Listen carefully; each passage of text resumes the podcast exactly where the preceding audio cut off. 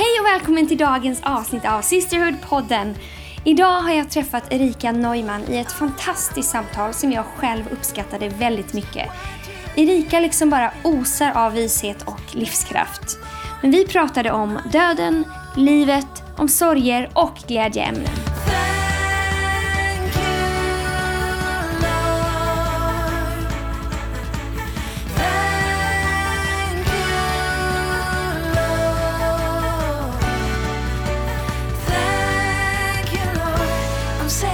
Idag har jag fått besök av Erika Neumann. Vad kul att du vill vara på Sisterhood-podden. Du, tack att jag får komma. Det känns som en förmån faktiskt. Ja. Vad kul. Vad tror du ditt första andetag? I Karlstad, i Värmland. Eh, I passet står det Forshaga, men jag vet att det var i Karlstad. Ja, okej.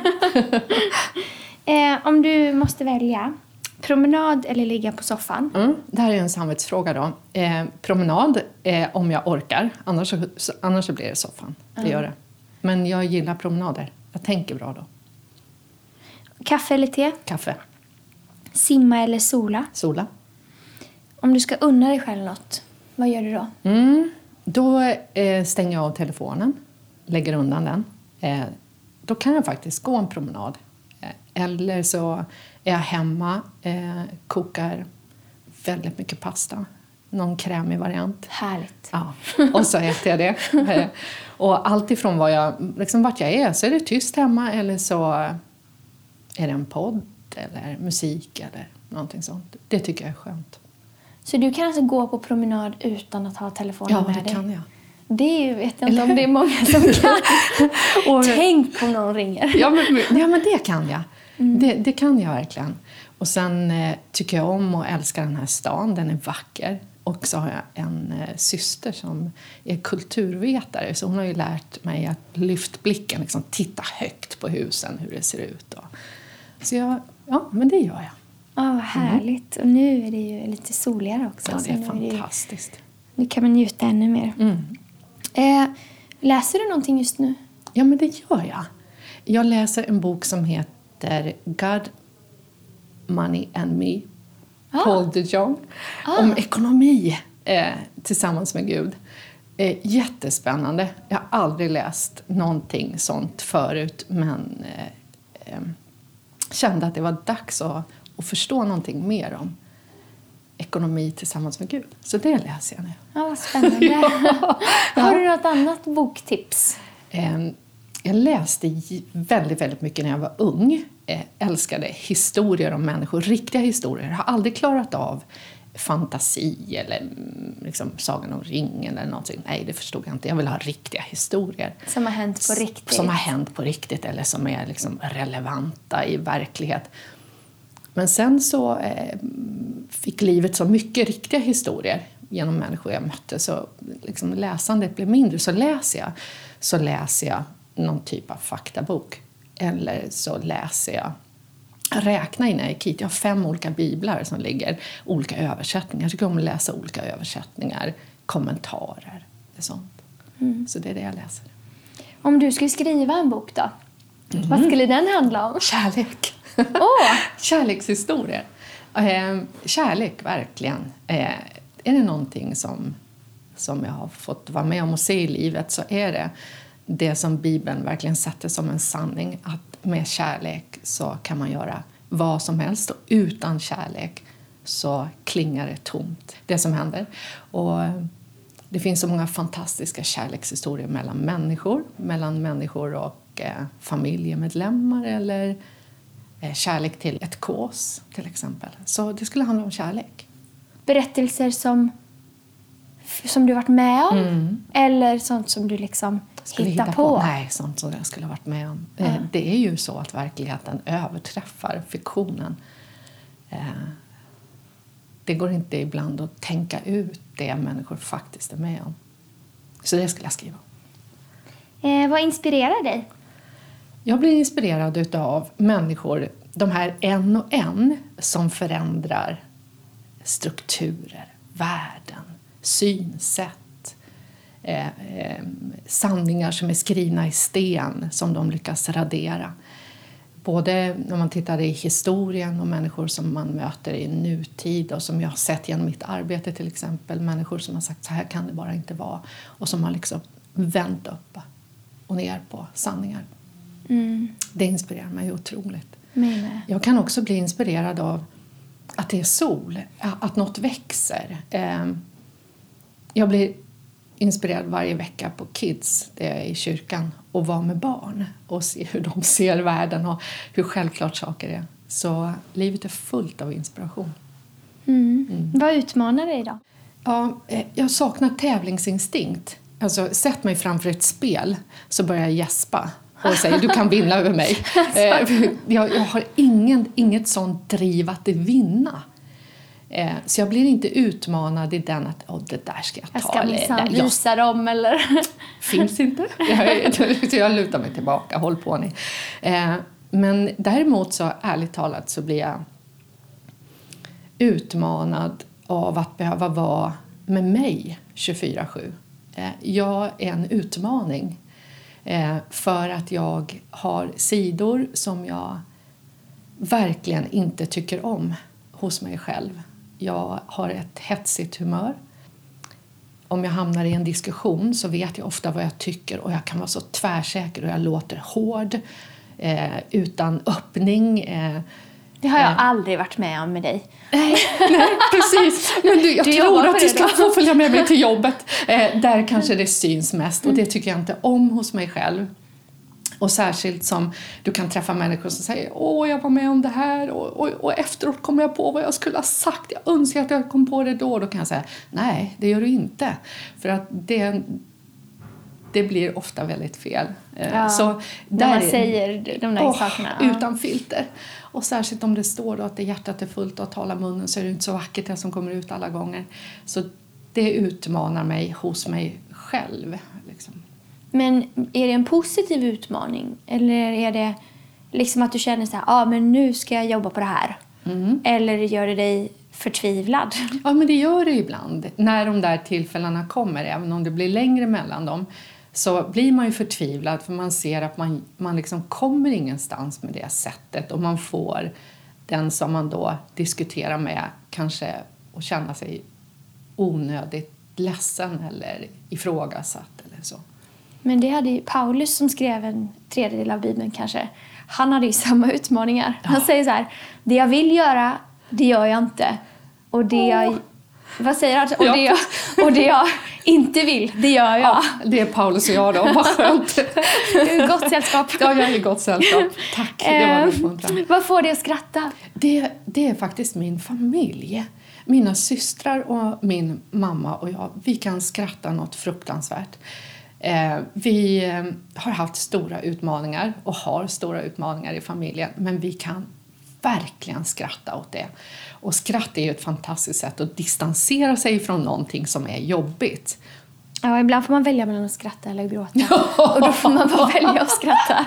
Ja, För att överleva. Ja, men ex- exakt så är det. Ja, men så är det verkligen. Så är det verkligen. Men du, hur ser din familj ut då? Förutom dina systrar och din mamma. Ja, jag har tre yngre systrar då. Jag vill Ja. gärna säga det, att jag är äldst. Ja. Ja. Eh, och sen har jag mamma och pappa. Och sen har jag tre barn. Jeff, Lynn och Tom som är 26, 28 och 30. Och sen är Linn gift med Dalton, eller Dalle som vi kallar honom på svenska. Och så har Tom en sambo som heter Hedvig. Så det är min familj. Vad gör du på dagarna? På dagarna jobbar jag som sjuksköterska. Eh, jag började som, eh, på en cancerklinik, Radiumhemmet på Karolinska eh, och var där i tio år. Och där skaffade jag min specialistutbildning i cancervård. Och sen efter tio år så började jag med någonting som heter palliativ vård. Det är den vårdform som tar hand om de människor som inte kan botas. Eh, där har jag min magisterexamen eh, mot den vårdformen. Så jag arbetar som specialistsjuksköterska. Och nu är jag i ett team eh, som består av eh, sjuksköterskor, läkare, fysioterapeut, arbetsterapeut, dietist, kurator, präst som hjälper de människor som lever med obotlig och dödlig sjukdom och som ser sin egen död och som väljer att vara hemma. Så vi ger den vård som annars skulle krävt att de var på sjukhus. Så du åker hem till folk? Jag åker hem till familjer som är, är drabbade då av, av att döden liksom kommer till dem och till deras familj. Eh, och, och vi arbetar då för att de ska ha det absolut så bra som möjligt. Det är en väldigt aktiv vårdform. Många gånger så säger man nu finns det inget mer att göra och det finns ingenting som provocerar oss mer eftersom det finns så oändligt mycket att göra för att livet ska bli eh, rimligt att leva fast man är satt under lidande och satt under att den egna döden, min död, eh, faktiskt är synlig och, och nästan är möjlig att ta på här. Hur kom du in på det? Var det bara av en händelse som du började arbeta med cancer? Ja, eller eller valde du aktivt Nej, att det jobba? gjorde jag inte. Utan när jag var färdig som 20-åring så fick jag ett sommarvikariat och det var där. Men det som hände var att jag från första dagen kände att här är jag hemma. Här vill jag vara. Och så här med, med långt perspektiv så kan jag se att eh, Gud gör ju någonting med dem vi är så att vi passar in på olika platser. Det är på riktigt så att vi får egenskaper, vi får vara med om erfarenheter som gör att vi blir rustade för att klara vissa arbeten och bli excellenta på det. Eh, och eh, under min uppväxt så, så hände tuffa saker. Och det är ju så att antingen blir du skadad och för evigt skadad eller så blir du, eh, liksom, får du en smäll men smällen gör att du blir rustad. Svårigheter gör att du, du får en rustning, du blir bra på, du vet vad du kan, du vet vad du behöver vara rädd för och inte. Och, och den rustningen gör ju att man är rustad då, som för mig i det här fallet att jobba nära döden och med både död som död och döendet det som sker innan man dör. Så vad är din relation till smärta? För jag antar att de har rätt ont? Eller är det olika? eh, Det, det är väldigt olika. Och, och eh, när jag började till exempel så var ju smärta det som man led av allra mest. Men idag finns det så mycket bra läkemedel och så mycket kunskap så att ha ont är ovanligt, det händer nästan inte. Men man behöver mycket mediciner för att inte ha ont, men det går att komma åt smärtan. Och i och med att man, är, Ehm, man har en begränsad tid att leva så behöver man heller inte vara rädd för beroende, för eh, att man överkonsumerar läkemedel och så, som om man ska leva länge med kronisk smärta till exempel. Då är det inte lika lätt. Men i det här skedet av livet så, så får man smärtlindring. Hur blir relationen till döden då i ditt arbete? Är det någonting som du går och är rädd för att nu kommer den här personen snart dö, att man undrar vad händer idag? Eller är det mer något naturligt? Det är väldigt naturligt. Eh, ja, och eh, det man lär sig när man gör det här och som man måste förstå det är ju att det som händer nu, det händer den här familjen. Det händer inte mig. Och det är jätteviktigt, för annars går man sönder. Det är klart att man blir påverkad av att varje dag möta lidande och död och sorg och förtvivlan och allting. Det gör någonting med mig. Och, men när jag förstår att det är okej att vara där men att sen gå därifrån och göra ett vanligt liv, det är att hedra dem som faktiskt inte kan det. Om jag går hem och lever ett begränsat liv, nej, nej det, de har det så jobbigt och hur ska det gå där? Och här sitter jag och äter spagetti och köttfärssås och tycker det är gott, det är ju för hemskt, vad är jag för människa? Det går inte. Utan jag måste ju leva fullt ut. För det är inte min tur och inte min familjs tur just nu. Hur lärde du dig det? Den hårda vägen genom att verkligen ta med mig allting hem. Eh, förminska mitt eget liv, eh, känna sk- friskhetsskuld, nästan skämmas över att vara frisk, skämmas över att, att njuta, tänka på vad man ska handla till middag när de där inte ens liksom vet om de har mamma kvar imorgon. Eh, och, och, och för min familj blev ju det ödesdigert. Eh, därför de visste aldrig vad det var för mamma som kom hem. De kunde se att jag var jättetrevlig och jättevänlig ute men när jag kom hem var jag helt slut och på dåligt humör. Och det slutade med att när jag förstod att det här, måste jag, det här måste jag göra någonting åt. Det var en dag när jag kom hem och min äldsta son tittade ner genom spaljen på trappan. Han stod på övervåningen, tittade ner på mig och så säger han så här. Vad blir det för mamma till middag idag? Han visste liksom inte, är det den trötta, arga mamman eller är det den mamman man kan komma fram till? Så det var en hård läxa att lära sig att vara bäst hemma och inte vara bäst på jobbet. Det tror jag att eh, det är fler som kämpar med. Ja, Att man ger allt ute på arbetsplatsen, Ja. vad man än har, eller Ja. i livet. Och sen så kommer man hem och så är man slut. Ja, och är man det ibland så är väl det okej, för det, så får det vara ibland. Men då behöver man tala om. Hallå familjen, det är inte er det är fel på. Idag har jag bränt allt på jobbet och, och det är därför. Men att försöka leva ett liv där de faktiskt kommer först, det, det önskar jag att jag hade förstått tidigare. Vad är det tuffaste du har varit med om? Ja, det här är, det här är jobbigt faktiskt att svara på. Ehm, ehm, det tuffaste jag har varit med om det är eh, när jag efter eh, många års äktenskap förstod att det här kommer inte jag... Det här, jag, jag klarar inte det här längre. Jag kan inte vara kvar i, i den här relationen. Ehm, det var fruktansvärt. Eh, och det var en sån kamp eh, med att, att försöka liksom bara gode gud, hjälp mig, hjälp mig, hjälp mig, hjälp mig. Eh, jag gick i terapi. Eh, så tänkte jag måste bara förändras så att det här, så att det här går ihop.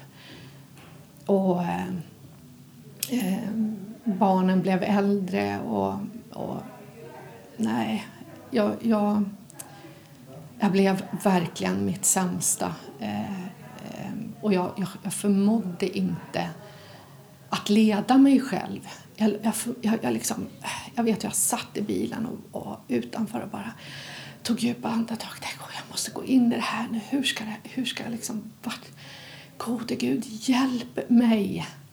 Och det som var otäckt var ju när, när det liksom också kom till det här att, man, att jag slutade vilja att det skulle bli bra. Då, då, då kom det riktiga mörkret faktiskt. Och eh, ett väldigt avstängt och stumt och mekaniskt liv följde på det. Så det var den svåraste tiden eh, i mitt liv. Den, den, den är väldigt svår att titta tillbaka på faktiskt. Och, och det, det så illa som man gör människor runt omkring sig, sin familj, sin, sina barn och sin man som, som eh, nej, det, det, är en, det är en mörk tid. Det är det verkligen. Eh, när man går igenom tuffa perioder eh, och smärta så brukar vi prata om att Gud kan vända det till något gott. Mm. Har, du, har du märkt det? Mm. Det har jag faktiskt. Det har jag. Det tror man inte när man är i det där svarta och i det där mörka. Att det någonsin ska kunna vara någon mening med att det är så. När, när det gör andra så illa och när det gör en själv så illa. Men eh, det vi gjorde var ju att besluta oss för att vi skulle skiljas. Eh, och när vi fattade det beslutet så, så gick allting ganska fort. Eh, och det jag gjorde var att jag eh, då hade jag precis börjat. Jag har alltid gått till kyrkan och kyrkan har varit jätteviktig för mig. Jag har fått med mig en fantastisk relation till kyrkan från att jag var född till hela livet. Men som, som vuxen inte riktigt hittat en kyrka att på riktigt plantera mig i eller, eller att eh, eh, få tag på det. Men när, när jag började i Hillsong, det var när vi var på, på första gången var faktiskt på Brunnsgatan som var där och på Boulevard. Vi pratar ju vart vi var så vet Ja. ungefär hur länge det var.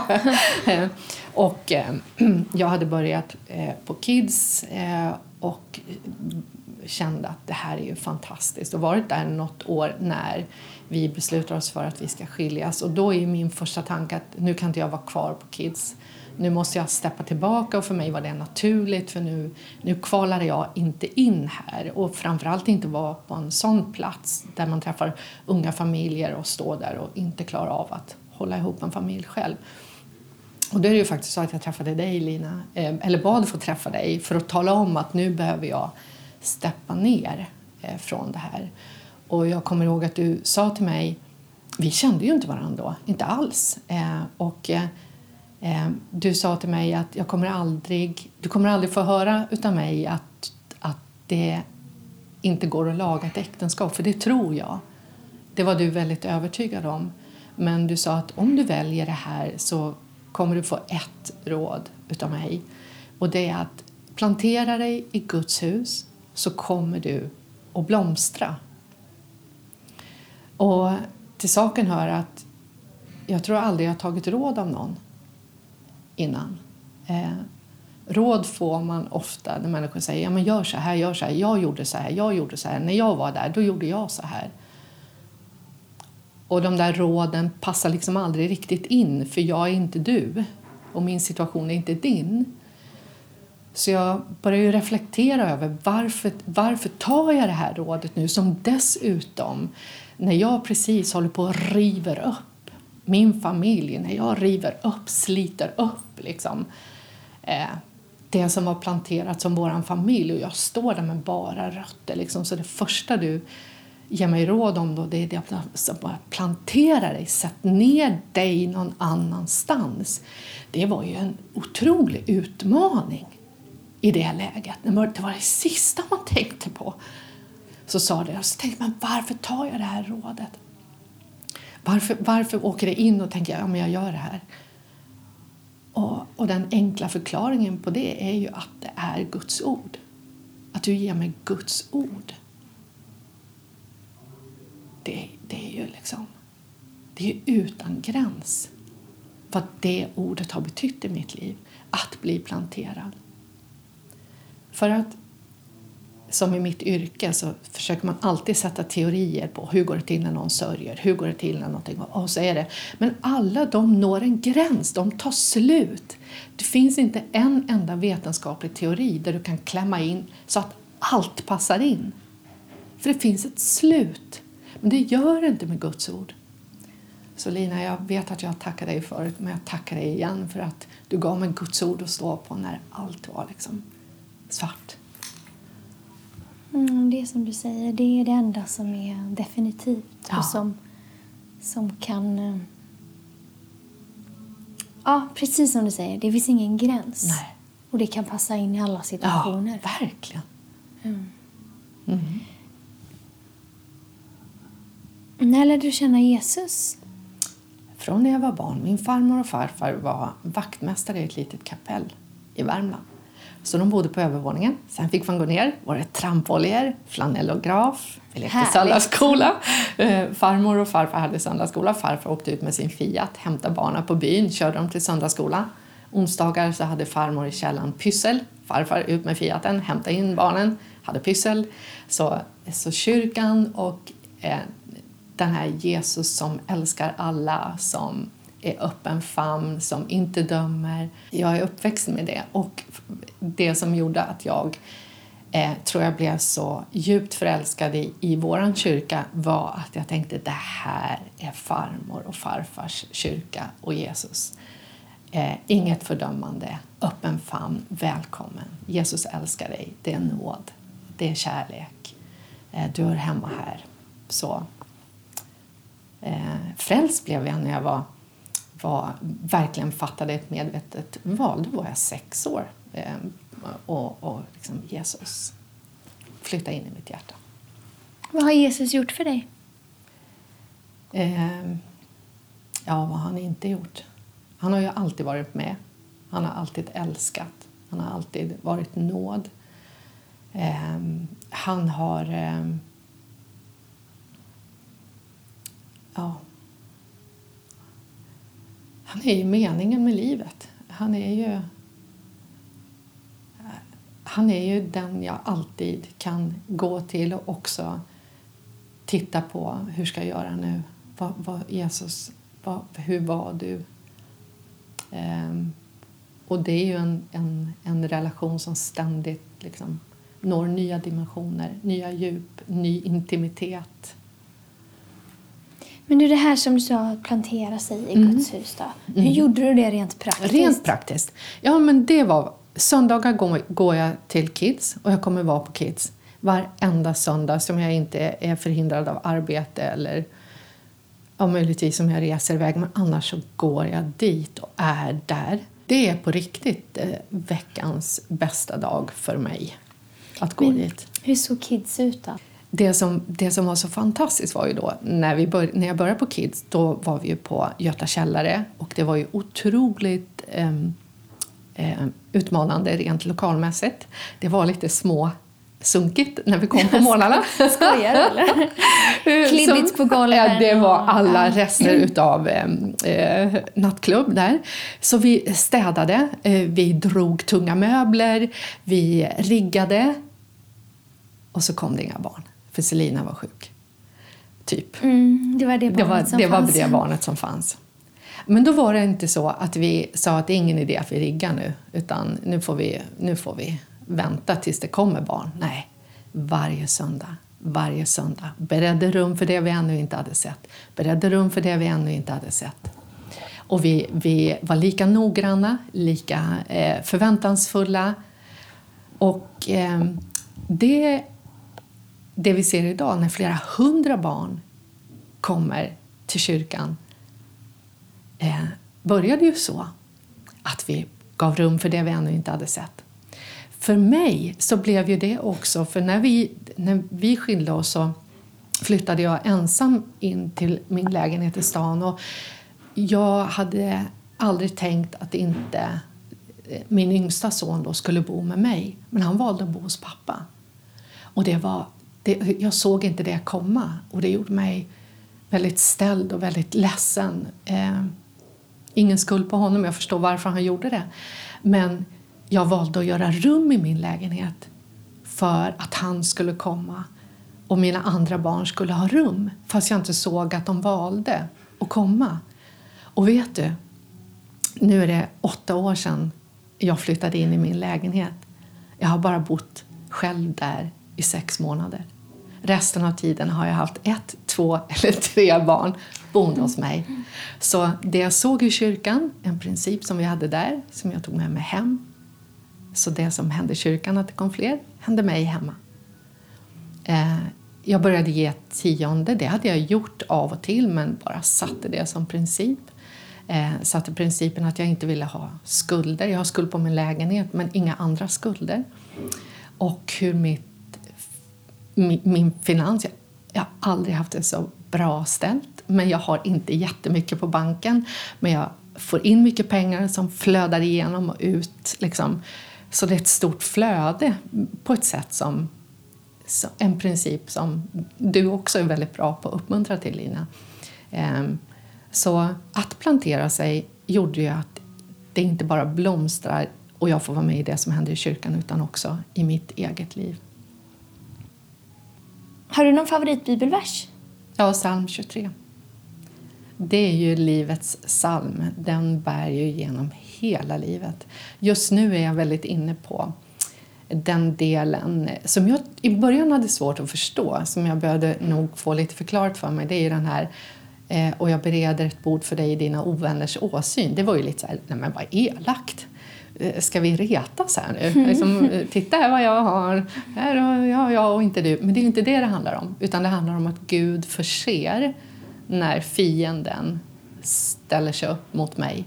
Så dukar han upp ett bord och säger här Erika, här har du allt du behöver för att och, och liksom bli huvudet och inte svansen över det fienden vill göra mot dig eh, eller de som är nära dig. Vad skulle du önska att människor säger om dig när du har gått bort? Har du funderat på det? Vad vill du lämna efter dig? Ja, jag har funderat väldigt mycket på den egna döden utifrån att jag faktiskt arbetar med den. Så det finns en, en nu, nu tror du kanske jag är väldigt konstig, men så här är det. Det finns en, en spellista på Spotify, Begravning heter den, så mina barn ska veta eh, vad det ska vara på den. Jag har pratat med den personen som jag önskar ska, ska begrava mig och så. Men just det här vad de ska tänka om mig efteråt, det har jag nog inte eh, ägnat så mycket eh, tanke. Men det jag hoppas är att man ska säga att eh, det inte bara var ord utan handling. Att hon, hon handlade i alla fall, inte bara prata. Har du bestämt vad som ska stå på din gravsten? Du, jag har tänkt att inte ha någon. Utan jag har tänkt att eh, vara en sån allmän urnlund. För, för mig är ju tillståndet död, det är ju liksom... För mig är det sista andetaget. När jag drar mitt sista andetag här så drar jag mitt första i himlen. Så eh, det, det kommer ju bli så magiskt. Eh, och jag tänker att det jag vill är ju att de som är kvar efter lever för de levande och lever för, för sig själva och ser mig som levande fast i himlen. Är det jobbigt att eh, se någon gå bort och dö som inte tror? Som inte tror på evigheten? Det är fruktansvärt. Får du dela om det i ditt jobb? Fråga dem så, så, så får jag absolut göra det. Och det, människor frågar ju. Tror du att det finns någonting? Vad tänker du om, om döden? Och då, är, då får jag ju absolut göra det. Eh, Jag läste en bok eh, och där stod det att vi är alla döende. precis. Det låter ju lite tragiskt. Ja, det låter lite Men att tragiskt. våran kropp, vi är alla... Döden är den ultimata statistik. eh, 100% Precis. möter den. 100 procent möter den. Och eh, Socialstyrelsen skrev faktiskt, när, när det var inne och donera, man drog första donationskampanjen, då skrev vår kära Socialstyrelse om jag dör så vill jag donera. Men det är ju inte frågan om om, utan ta tillbaka dem och säga när jag dör. Ehm, ehm, men, men jag ser oss inte som döende, jag ser oss som levande. Och det kan jag säga att människor som möter sin egen död är, är, vill ha sitt vanliga liv, vill ha sin vardag, vill ha sin ru- rutin. Det är det man, man sätter allra, allra högst. Det är inte drömmen om att resa, drömmen om att förverkliga sig själv, drömmen om att göra pengar. Jag har aldrig, aldrig mött en person som säger jag önskar så att jag hade satsat mer på karriären eller på pengarna eller på, på resorna eller vad det är. Utan det är människor för du måste göra räkenskap över ditt liv. Det ingår i döendets psykologi. Du gör det per automatik så börjar du ransaka ditt liv. Och eh, det människor eh, brottas med, gläds åt och brottas mot är sina relationer. Mm. Jag antar att man, man inser vad som är viktigt i Ja, livet. det gör man Eftersom verkligen. det ställs på sin spets. Ja. Om du hade kunnat ge ett råd till dig själv för tio år sedan, vad hade du sagt då? Ja, då var jag ju på den här mörka platsen. Då var det nog som svartast, skulle jag säga. Så det jag, eh, det jag skulle ha behövt då eh, det hade varit att ha lovsången. Det hade jag inte då. Inte tillgång till den på det sättet. Så eh, då hade jag sagt att lovsjung Gud. Eh, vet att han är den som går framför och som går bakom. Ehm, lita på att det han säger om dig är sant. Vad drömmer du om nu?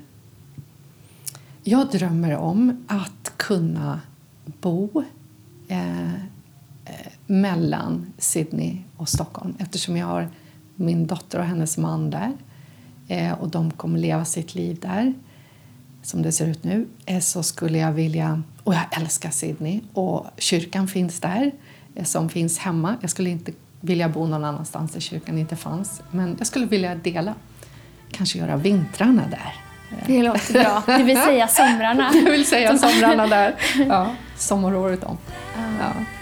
Det låter härligt. Tack för att du var här idag. Tack för att jag fick komma.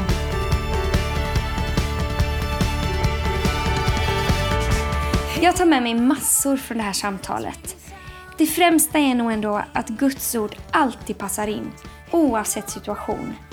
Det räcker liksom till och kan göra någonting i människors liv när allt annat tar slut eller har begränsningar. Så fantastiskt. Och nog för att vi alla är mer eller mindre döende, men vi är ju också alla levande, precis som Erika sa. Så låt oss leva livet fullt ut och ta vara på de dagarna vi har kvar här. Lev livet, njut, förändra världen, hjälp andra. Ha en jättebra dag så hörs vi här igen om två veckor.